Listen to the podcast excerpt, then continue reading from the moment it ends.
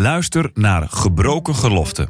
Een podcast van het Nederlands Dagblad over scheiden in christelijk Nederland.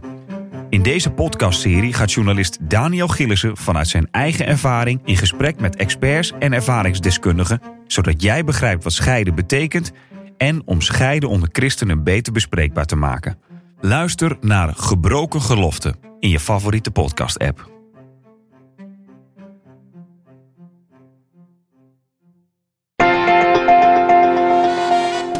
De Sekspodcast. Christenen over relaties, liefde en seks. Leuk dat je luistert. Mijn naam is Marien Korterink en in deze podcast praat ik wekelijks over relaties, liefde en seks. En deze week doe ik dat met relatiecoach Kokkie Drost. Goed dat je er bent, Kokkie. Hallo Marien.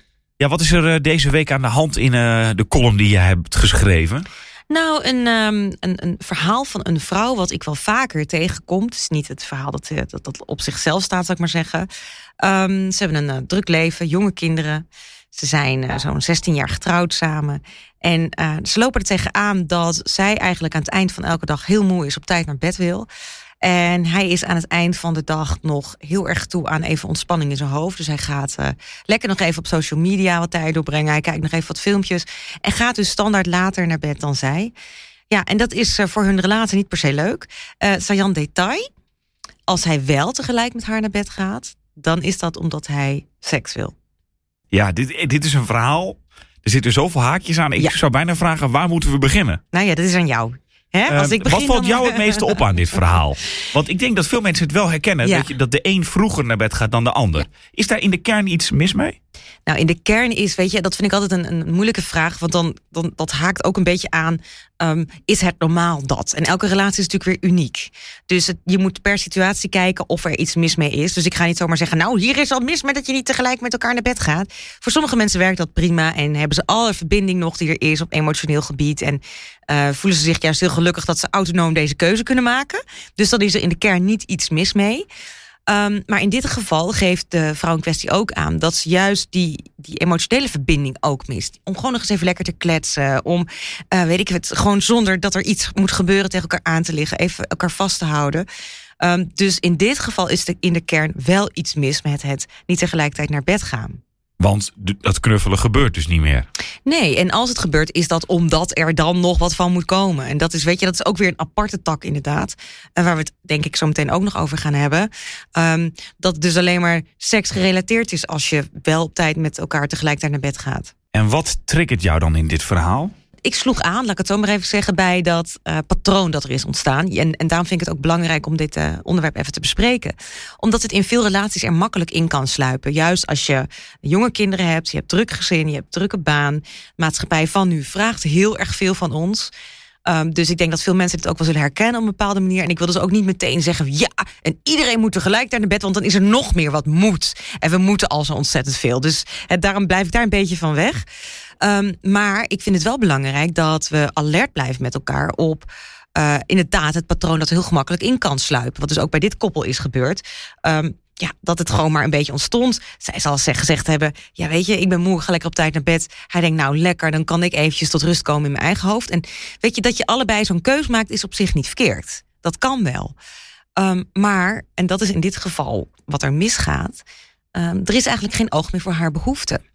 Zij heeft richting haar partner aangegeven van ik zou het fijn vinden als je gewoon ook wat vaker op tijd tegelijkertijd met mij naar bed zou komen. Kunnen we nog even lekker kletsen, lekker gewoon tegen elkaar aanliggen, eventjes gewoon de intimiteit met elkaar delen. Even echt connecten eigenlijk. Ja, en dat is dus niet meteen seksueel gerelateerd, hè, maar gewoon eventjes die intimiteit van het samen zijn. Nee, dat zou bijna, uh, om het zomaar even te zeggen, ook beneden kunnen zijn. Gewoon even echt connecten, dat je even ja. geen televisie doet, ja. maar even echt kletsen van hoe is het nou met je. Ja, precies. En, uh, nou ja. ja, dat zou inderdaad, moet dan wel nog weer vroeger zijn, want blijkbaar is zij dus echt heel erg moe. Ja. Wat, wat logisch is, ik bedoel, ik, ik heb zelf ook uh, een tijd lang in, in de jonge kinderen gezeten. Trouwens, inmiddels zit ik in de, in de, in de vier transvolwassenen. Dus ik ben s'avonds ook bek af. ja. Maar ik weet nog toen ze heel klein waren, alle vier. Uh, je bent zo moe aan het eind van de dag. Gewoon van al die prikkels waar je op moet reageren. En ik had het enorm geluk dat ik een heel fijn oppasmeisje had. Um, dat is ook iets wat ik aan, aan zo iemand zou willen aanraden. Hè. Ik weet ook niet precies wat de rolverdeling in hun gezin is. Ik kreeg naar aanleiding van um, de situatie wel het idee dat zij hoofdzakelijk voor de kinderen zorgt en hij hoofdzakelijk voor het inkomen. Laat ik het zo maar eventjes uitleggen. Ehm, maar je moet niet onderschatten dat een dag met de kinderen, dat het, ik weet nog wel, dat ik dan echt dacht, eh, even een leuke anekdote uit mijn eigen leven. Wij zaten dan soms aan de ontbijttafel en dan ging mijn man bidden. Heel lief, hè? Ja, heer, wilt u bij ons zijn als we vandaag dan uh, gaan werken? Of lekker thuis zijn bij de kinderen? Dat ik dacht, lekker thuis zijn bij de kinderen? Zal ik een dag met je ruilen? Ja, ja, ja, ja. Nou, dan had je mij hoor. Lekker dagje werken, laat mij dat maar doen, dacht ik. Uh, dus je bent ook echt heel erg moe na een dagje kinderen. En ik denk dat we En, dat, dat, wel en, en de man in dit, in dit verhaal, in, in jouw verhaal en Ja. in dit verhaal, die begrijpen misschien ook niet soms Nee, hoe intensief het is om Ja. gewoon gewoon tussen haakjes thuis te lekker zijn. thuis Ja. te zijn. lekker thuis te zijn. Nou, overigens, het is echt. Inmiddels is dat gelukkig aan heel veel eh, gezinnen wel aan het veranderen hoor. In die zin dat we allemaal heel erg goed begrijpen dat lekker thuis zijn bij de kinderen ook gewoon keihard werken is. En zeker in deze tijd waar al heel veel moet. Hè. Dus dat las ik er ook wel door. Maar ook dat er vooral aandacht was voor de behoeften van de man. Hij had nou eenmaal eh, even die ontspanning nodig om tot rust te kunnen komen. Dus ja, sorry schat, het houdt op. Ik ga niet op tijd met jou naar bed. Ook En dan één keer in de week had hij ook zin in seks. Dus Ja, of vaker. Of dan die momenten dat hij behoefte had. En dan kwam hij op tijd naar bed. Maar ja, weer een nieuw haakje. Dan moest het dus. Ja, dus er was geconditioneerd. Van als hij dan op tijd naar bed gaat, dan moet het. Nou ja, dat is natuurlijk ook niet meer helemaal per se vanuit liefde en intimiteit eh, met elkaar vrijen. Maar is er dan geen gesprek, vraag ik me af? Want je, ja, je kan natuurlijk Nou. toch dan zeggen van... hé, hey, maar ik heb vanavond eigenlijk niet zoveel zin. Nou, precies. Eh, op dat gesprek, dat is wel een punt waar ik me dan zorgen maak. Ehm, omdat ik juist vind, kijk, je kunt in een patroon belanden. En dit verhaal heeft voor mij een aantal, nou wat zijn het, lichtpunten op de zaak geworpen. In die zin dat we echt alert moeten zijn op, hé, hey, wacht even, wat voor patroon zitten we? Of naar wat voor patroon gaan we toe? Is dat een goed patroon? Willen we dat? Of is het een patroon waar we niet meer gemakkelijk uitkomen? Of wat we niet meer gemakkelijk kunnen veranderen? Dus het is heel belangrijk dat je daar alert op bent. Dus mocht jij herkennen van, ja, ik ben ook heel moe en wij hebben inderdaad ook wel de neiging om op verschillende tijden naar bed te gaan, dan is het echt goed om alvast nu alert te zijn en je af te vragen, wil ik daarin belanden? En op welke manier kun je eruit komen? Ik vind dat echt belangrijk. Ja. Ik bedoel, een patroon is niet per se slecht, maar wel als je erin zit er niet meer uitkomt. Dan is het niet meer gezond. Nou, dat is één ding. Eh, het tweede is dat als je erover praat, over patronen in je relatie waar je niet gelukkig mee bent, is het heel gemakkelijk om in het geval van deze man dan te zeggen: ja, het is nou eenmaal zo. Ik heb dat nodig. Punt. En Nou, dat is daar zit einde discussie. Eindig, nou ja, discussie. Einde gesprek. Einde gesprek. Want in een discussie zit vaak ook nog zoiets van dat je elkaar moet gaan overtuigen. Maar een relatie is geen, je bent geen discussiepanel. Een relatie is het vinden van elkaars behoeften, het vinden van elkaars hart, het elkaar begrijpen. En ook de behoeften van de ander net zo belangrijk vinden als die van jezelf. Kijk, je kunt erin doorschieten, en dat is in deze relatie aan het gebeuren, dat zij de behoeften van de man boven die van zichzelf zet. Ja, hij heeft nou eenmaal deze behoeften. Hè? Eventjes voor die filmpjes om ter ontspanning, maar ook voor de seks. Ja, zij toont veel begrip voor hem. Ja, heel veel begrip. Wat, voor hem. wat, wat mooi is, hè? Ja, nou ja, in die zin. ehm, kijk, als je in een relatie. Ik, van de week zei ik nog eh, tegen iemand, eh, tegen Twitter eigenlijk, maar ook tegen iemand. Als je gelukkig wil worden, als je altijd gelukkig wil zijn, begin dan niet aan een relatie. Dat is Oh ja, gewoon, hè, dat, dat, gaat niet, dat gaat niet gebeuren. Je kunt niet je geluk, af laten hangen van een relatie en verwachten dat jouw behoeften altijd tevreden worden eh, gesteld en dat je altijd gelukkig bent. Dat gaat gewoon niet gebeuren. Je moet af en toe, wat? Gewoon regelmatig, ook een stuk van je eigen autonomie van je eigen behoeften even aan de kant zetten omwille van de ander. Um, wat ik dan zelf wel weer mooi vind, dat je in een relatie ook gelukkiger wordt als de ander gelukkig is. Dus uiteindelijk heeft het elkaar dan ook wel weer op. Maar soms vraagt het eventjes dus van oké, okay, wacht even, dit vind ik belangrijk. Maar ik merk dat het voor die ander zo belangrijk is. Weet je, dit is ook goed vanuit ja, mijn dus eigen autonomie. Van, het is positief vanuit haar dat ze dat ziet. Alleen ze zeker. doet het te veel. Ja, ja, ja. En ze zet dus, en dat is een heel, um, ja, ik vind het zelf een, een bedriegelijke. Dat je dus in een relatie er snel in kunt trappen. Ja, maar ik wil dat de ander gelukkig is. Dus dan zet ik mijn eigen behoeften wel eventjes op een laag pitje. En dat je eigen behoeften compleet worden genegeerd door jezelf. Dat het pitje al jaren uit is. Precies. En dan kun je, kun je dus op een gegeven moment in een situatie belanden dat je denkt, ja, maar dit wil ik niet hebben. Uh, die, die gast die heeft jarenlang mijn behoeften verwaarloosd. Uh, ik kom een ander tegen die er wel oog voor heeft. En dat je ineens daar, weet je, dat je je wel gezien voelt. Het is een heel veel gebeurd uh, element in relaties. Dus het is ontzettend belangrijk dat je ook je eigen behoeften weet te herkennen. Wat niet meteen betekent van met elleboogwerk je eigen behoeften verdedigen, want dat is nou eenmaal wat je wil. Maar wel dat je er eerlijk over bent. En um, je had het over, waar, waar, zit dan dat gesprek? Daar zit jouw vraag, Marien. Nou, die van mij dus ook. Waar zit de ruzie? En dat was eigenlijk wat ik een beetje uh, me afvroeg. En, en waar zit het hem? Weet je dat? Nou, ja, nou weet je, ik heb dus het idee um, dat er een gebrek is aan gewoon de confrontatie aan durven gaan. Of gebrek aan communicatie, dacht ik misschien toen ik het las. Jazeker, nou ja, er is wel een communicatie, maar die is die tot een zekere hoogte, die vindt niet een soort van diepgang van. Maar wacht eens even, ik wil dat jij het ook belangrijk vindt wat ik fijn vind. Ik wil dat jij ook oog hebt voor mijn behoeften. Ik wil dat jij ook in mijn hart komt. Dat jij laat zien dat je belangrijk vindt dat ik gelukkig ben. Dat is eigenlijk de diepere liggende vraag die hieronder ligt. Ja. En um, misschien dat ze die nu nog niet voelt of ziet, maar op een dag zal ze daar wel wakker in worden. Dat ze het wel ziet of voelt en begrijpt. En ik vind dat een behoorlijke, um, nou ja, heftige vraag. Die je eigenlijk dus ook al moet gaan stellen in een relatie. Maar dat kan betekenen dat er dus ruzie plaats heeft. En dat was dus waarom ik zei, waar is de ruzie? Weet je, waar schuurt het? Waar heb je ooit een keer gewoon eens eventjes, niet letterlijk, maar elkaar figuurlijk door elkaar geschud? Van ja, hallo, wil je mij nu ook even zien? Uh, en dat is wat ik bedoel met als je altijd gelukkig wil zijn, moet je aan een relatie beginnen. Het heeft af en toe ook een consequentie dat je gewoon voor je eigen belangen, voor je eigen behoeften op moet komen. En dat er ruzie is. Ja, kijk, en ruzie betekent niet dat het meteen met, met servies moet worden gesmeten en weet ik wel, wat niet. Uh, maar soms moet je eventjes de harmonie laten voor wat die is die kan er soms niet zijn. Omdat er verschillende belangen moeten worden behartigd. Ja, dat is het natuurlijk een beetje. Soms hebben we misschien nog een beeld van een relatie dat dat niet nodig is. Dat de belangen en dat er niet een verschil is. Ja. Terwijl je hebt hier gewoon de een zegt van ik wil het graag zo, de ander zegt ik wil het graag zo. Ja. En als je er niet over praat, dan, eh, dan ja, dan komt het niet goed. Want nee. er zijn gewoon twee andere wensen. Nee, ja. en, iedereen moet water bij de wijn doen. Want zonder water bij de wijn gebeurt er niks. Nou ja, en dit is eventjes, dan heb het, ik hoop dat de luisteraar nog kan volgen. Um, hier laat ik meestal een, een, een, tekening bij zien. Namelijk dat je in een relatie op verschillende niveaus kunt communiceren. Kijk, water bij de wijn doen is nog vooral het zoeken naar een oplossing. Ja, dat is gewoon heel praktisch. Ja, en soms helpt dat, hè? Weet je, de een wil een patatje met en de ander een patatje zonder. Dan zet je de mayonaise er los van. He, dan is het een oplossing, bij wijze van spreken. Dat is ook een mogelijkheid. Daar heb je een diepere laag niet per se voor nodig. heb je niet per se nodig, nee. Um, maar in dit geval merk ik wel, wacht even, hier moet, je, hier moet je echt even knokken om tot die diepere laag te komen. Welke behoeften liggen eronder? Zowel bij hem als bij haar. Wat is het bij hem dat hij die filmpjes nodig heeft? Waarom kan hij niet tot rust komen bij haar? Durft zij dat soort vragen te stellen? Uh, durft zij ook aan te geven? En ik vind het heel erg belangrijk dat je ook oog hebt voor mij. Wat is het bij hem dat hij niet ook richting haar beweegt? Wat is het bij hem dat hij gewoon, ja, maar dit wil ik nou eenmaal zo, dus zo is het. En wat is het bij haar dat zij daar niet eens eventjes tegen ingaat? En dan kun je tot de conclusie komen, of dan kun je, nou de conclusie vind ik te, te, zwart-wit, maar dan kun je ontdekken dat er misschien aan vooraf gaat dat zij heel erg bang is inderdaad voor conflicten. Dat zij bang is om hem te verliezen. En dat is dan alweer een, een onveiligheid in die relatie. Dat zal ze moeten gaan uitspreken. En hij zal ervoor moeten gaan zorgen dat ze zich zo veilig voelt, dat ze wel eerlijk durft te zeggen wat ze vindt, voelt, waar ze bang voor is. Want liefde, dat vind ik zo'n fantastische tekst uit de Bijbel, uit 1 Johannes 4 vers 18 is ook de enige die ik uit mijn hoofd weet oh, hoor. dat ik niet denk van, oh, wat indrukwekkend. Nou, maar het is wel mijn lievelings. Uh, echte liefde drijft angst uit. En echte liefde zit geen angst. Dat vind ik echt fantastisch. Dat is ook Gods liefde voor, ang voor, voor, voor ons. Um, dat we niet bang hoeven te zijn, dat we niet goed genoeg zijn. Of dat we iets raars denken en dan, oh help, nou vindt God mij vast niet meer goed genoeg. Nou, in een relatie kun je daar een afspiegeling van zijn met elkaar. Dat je elkaar zo goed kent. Dat je je eigen behoefte aan de ander durft te zien. Je durft te laten zien. Dat je misschien je gedachtenspinsels durft te delen met de ander. En dat je niet bang hoeft te zijn dat die ander jou niet meer goed genoeg vindt.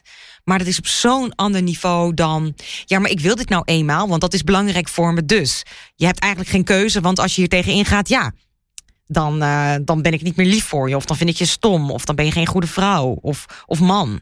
Dus er zit daar zoveel onder. En dat is bij mij eigenlijk de grootste haak. En dan ja, nu naar de seksafdeling. nou, daar kunnen we het ook nog over hebben. Maar uh, ik, ik vraag me wel af niet iedereen kan op dat niveau communiceren. Uh, of dat moet je ook wel leren, ja. een soort van. Dus als je dat nog niet kan, dan, dan is het in het begin eigenlijk best wel een, een struggle. Nee, het is een. Ja, je moet leren voelen. Ook eh, die man bijvoorbeeld ook van. Uh, waarom gaat het. Misschien heeft hij, zegt hij van. maar het is, ik had het idee dat het eigenlijk altijd prima was. Zo. Ja, nou precies. Bijvoorbeeld. Ja. Van, en hoe komt dat dan? En nou, dan moet je. ja, beetje zo uitspitten. Nee, ik vind het een hele mooie dat je dit zegt. Want, want voor mij is het soort van vanzelfsprekend. Hè, natuurlijk doe je dat. Terwijl jij zegt, ja, maar dat is helemaal niet voor iedereen vanzelfsprekend. En ik vind dat een terechte opmerking van jou. Dus het vraagt inderdaad ook wel bij jezelf het risico durven gaan nemen dat het misschien ver uit je comfortzone Ja. is. Iets wat helemaal nieuw voor je is. En je weet ook niet hoe het afloopt. Maar het mooie aan een huwelijk vind ik dat het een soort van ehm, ja, overkoepelende. Ja, ik wou zeggen vangnet, maar dat klinkt zo negatief. Maar veiligheid is waarbinnen je dus die ruzie mag maken. Of die, die, dat risico mag lopen. Dat het misschien hartstikke eng is, dat je niet weet waar het komt. Maar dat je wel weet, wij willen elkaar vinden. Dus we gaan elkaar ook zoeken. Dat je dat als basis eronder hebt liggen, dan is het helemaal niet zo eng om dat soort emotionele risico's te nemen. Nee, dan kan je ook zeggen, nou, vandaag, vandaag komen we er niet uit. En dan gaan we morgen misschien, Misschien gewoon of weer verder. volgende week, of het blijft. Weet je, wij hebben in onze huwelijk ook echt wel thema's gehad. eh, wat ik al in de verleden tijd spreek. Maar die echt waarvan ik, als ik nu terugkijk, denk, ja, die hebben echt wel tien jaar gespeeld of zo. Voordat we dat echt begrepen of dat we elkaar daar echt in vonden. En dan misschien op dit moment ook wel iets waarvan ik nu nog niet bewust ben dat het speelt. Maar ik vind het mooie aan een relatie, aan een huwelijk, aan het commitment aan elkaar. Ehm, ik wil hem hierin in vinden. En ehm, ik ben niet bang dat hij mij niet meer lief vindt. Of, of dat hij zegt, ja, maar nu is het genoeg geweest. En nu doe je gewoon precies wat ik zeg. Nee, dat gaat hij niet doen. Nee. Want we hebben elkaars geluk, elkaars welbevinden, wat een mooi woord, voor ogen hierin. Ja. Wat maar niet als je dat hebt, hè, maar Ja. de, de conclusie zou natuurlijk ook kunnen zijn van... oh ja, ik ben vooral bezig met mijn eigen eh, geluk Ja. en plezier. Ja. Nou, dat is best wel pijnlijk natuurlijk. Een moeilijk Zeker. gesprek. Ja, dus het vraagt ook weer om, om eerlijkheid tegenover jezelf. Zoals het altijd is. Hè. In deze podcast komen we volgens mij altijd op die conclusie uit. Ja, ja.